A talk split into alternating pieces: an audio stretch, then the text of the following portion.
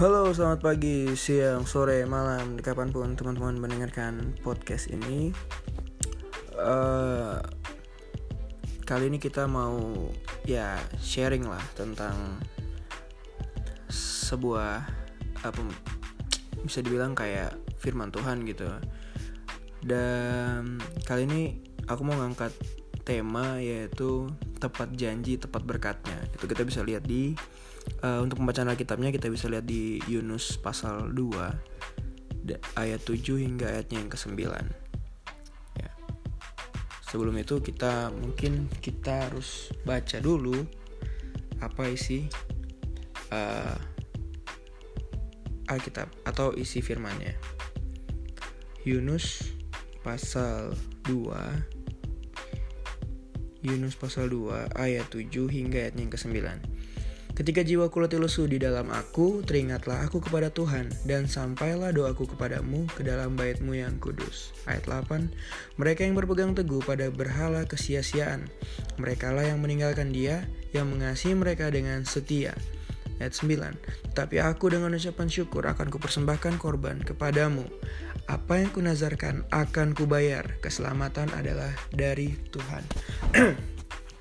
Kalau kita lihat di ayatnya yang ke-7 sampai yang ke-9 ini, kita uh, dalam bacaan kita pada hari ini itu merupakan suatu doa sekaligus komitmen yang diutarakan oleh Yunus ketika ia berada dalam perut ikan besar yang menelannya ketika ia mengingkari perintah Tuhan yang diberikan kepadanya.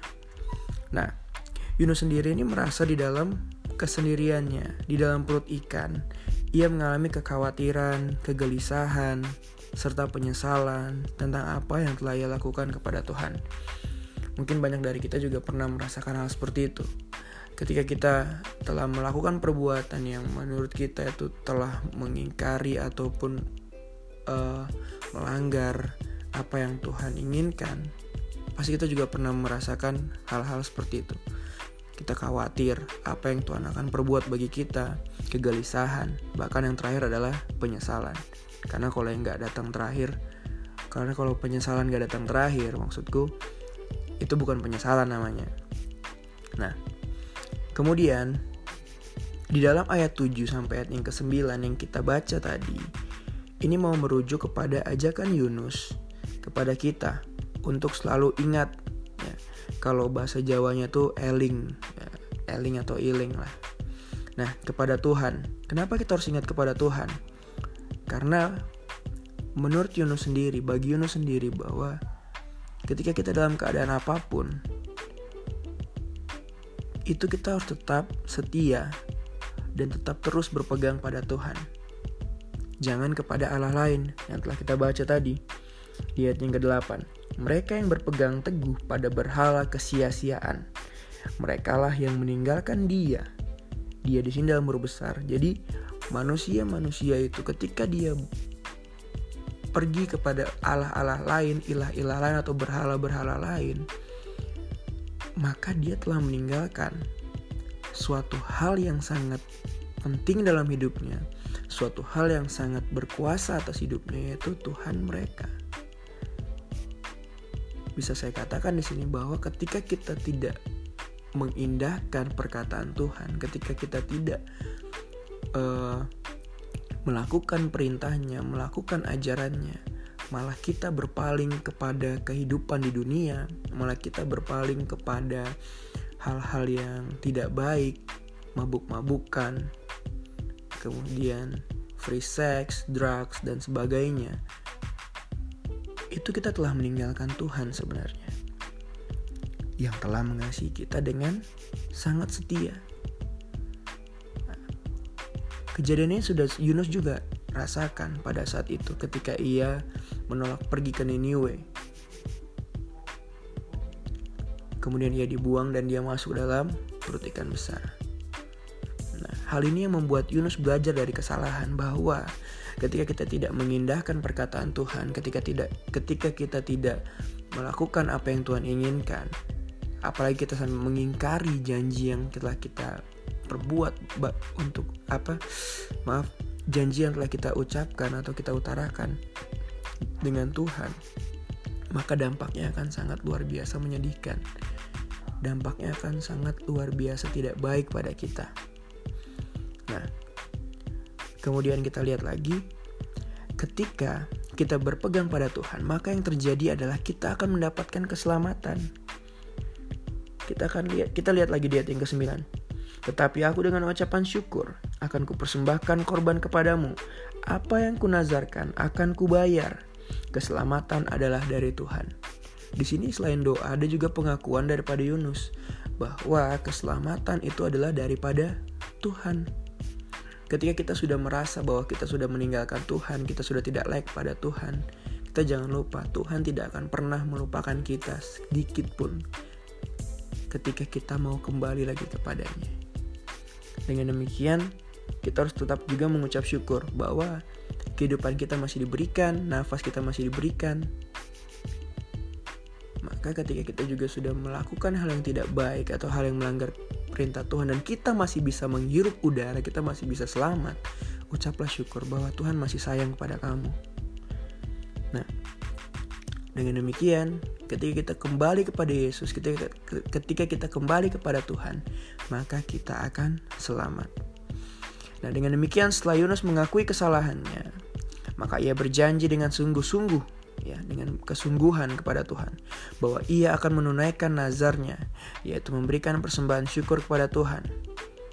Ketulusan dan kesungguhanlah yang membuat Yunus akhirnya itu dibebaskan dari perut ikan. Ya. Tuhan ketika kita mungkin kita berbicara Tuhan kalau Tuhan mau kasih saya nilai bagus, nilai maksudnya dalam artian uh, raport SMA, SMP yang bagus, atau Tuhan kasih saya nilai A dalam kuliah, Tuhan kasih IPK cum laude, terus kalian berjanji memberikan ini dan itu, ini dan itu, tapi kalau kalian tidak sungguh-sungguh, maka jangan salahkan Tuhan jika Tuhan tidak mengindahkan apa yang kalian inginkan. Karena Tuhan melihat setiap isi hati kita manusia. Tuhan menginginkan yang terbaik dari kita. Bagaimana kita mau mendapatkan nilai yang baik kalau kita tidak bersungguh-sungguh memintanya pada Tuhan? Kita tidak sungguh-sungguh belajar, kita tidak sungguh-sungguh melakukan apa yang mungkin guru kendaki, dosen kendaki dalam memperoleh agar dapat memperoleh nilai yang baik. Kalau kita hanya malas-malasan dan berharap Tuhan melakukan seperti keajaiban di film-film begitu ya, yang akan bisa kan? Makanya Tuhan mau kita juga sebagai anak-anak muda, sebagai generasi-generasi yang baik, generasi-generasi Kristus yang luar biasa hebat, maka kita juga harus melakukan halnya dengan sungguh-sungguh. Nah, ketika kita telah mengutarakan nazar pada Tuhan, jangan lupa juga kita tepati. Jika Tuhan telah memberikan yang telah kita inginkan, telah kita impi-impikan, kita harus memberikan nazar kita itu. Ketika kita mengatakan Tuhan, saya mau nilai bagus. Jika saya dapat nilai bagus, saya akan sungguh-sungguh kepada Tuhan, saya akan rajin ke gereja, saya akan rajin pergi ibadah remaja, saya akan rajin pergi ibadah pemuda, saya akan rajin memberikan persepuluhan. Itu harus ditunaikan. Jika tidak, kejadiannya akan sama lagi nanti. Seperti Yunus, mengingkari janji Tuhan. Maksud saya mengingkari janji kepada Tuhan dan akhirnya dilemparkan ke dalam perut ikan dan yang ada hanyalah penyesalan dan penyesalan. Namun bedanya Yunus dan kita terkadang kita ini yang menyesal ya udah menyesal gitu. Penyesalnya berlarut sampai hilang. Ya.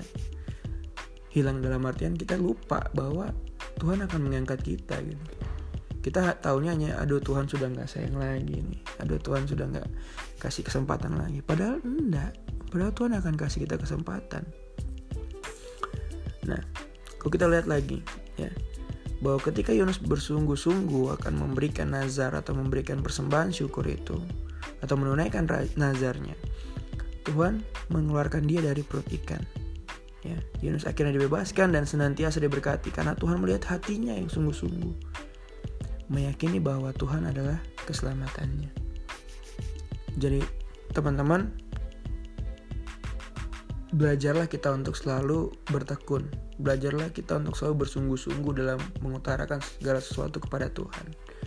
Belajarlah dengan sungguh-sungguh bahwa Tuhan itu melihat hati kita. Tuhan tidak mendengar kata-kata kita yang penuh dengan puitis ataupun pujian kepadanya tapi hati kita kotor, hati kita tidak tulus, Tuhan tidak akan pernah melihat itu. Tapi Tuhan akan melihat kita jika hati kita bersih, hati kita bagus, hati kita tulus, hati kita sungguh-sungguh. Ada sebuah ilustrasi ada dua anak SD yang bersahabat karib. Suatu hari mereka menemukan satu buah, ya kita bisa bilang coklat lah ya, yang masih baru.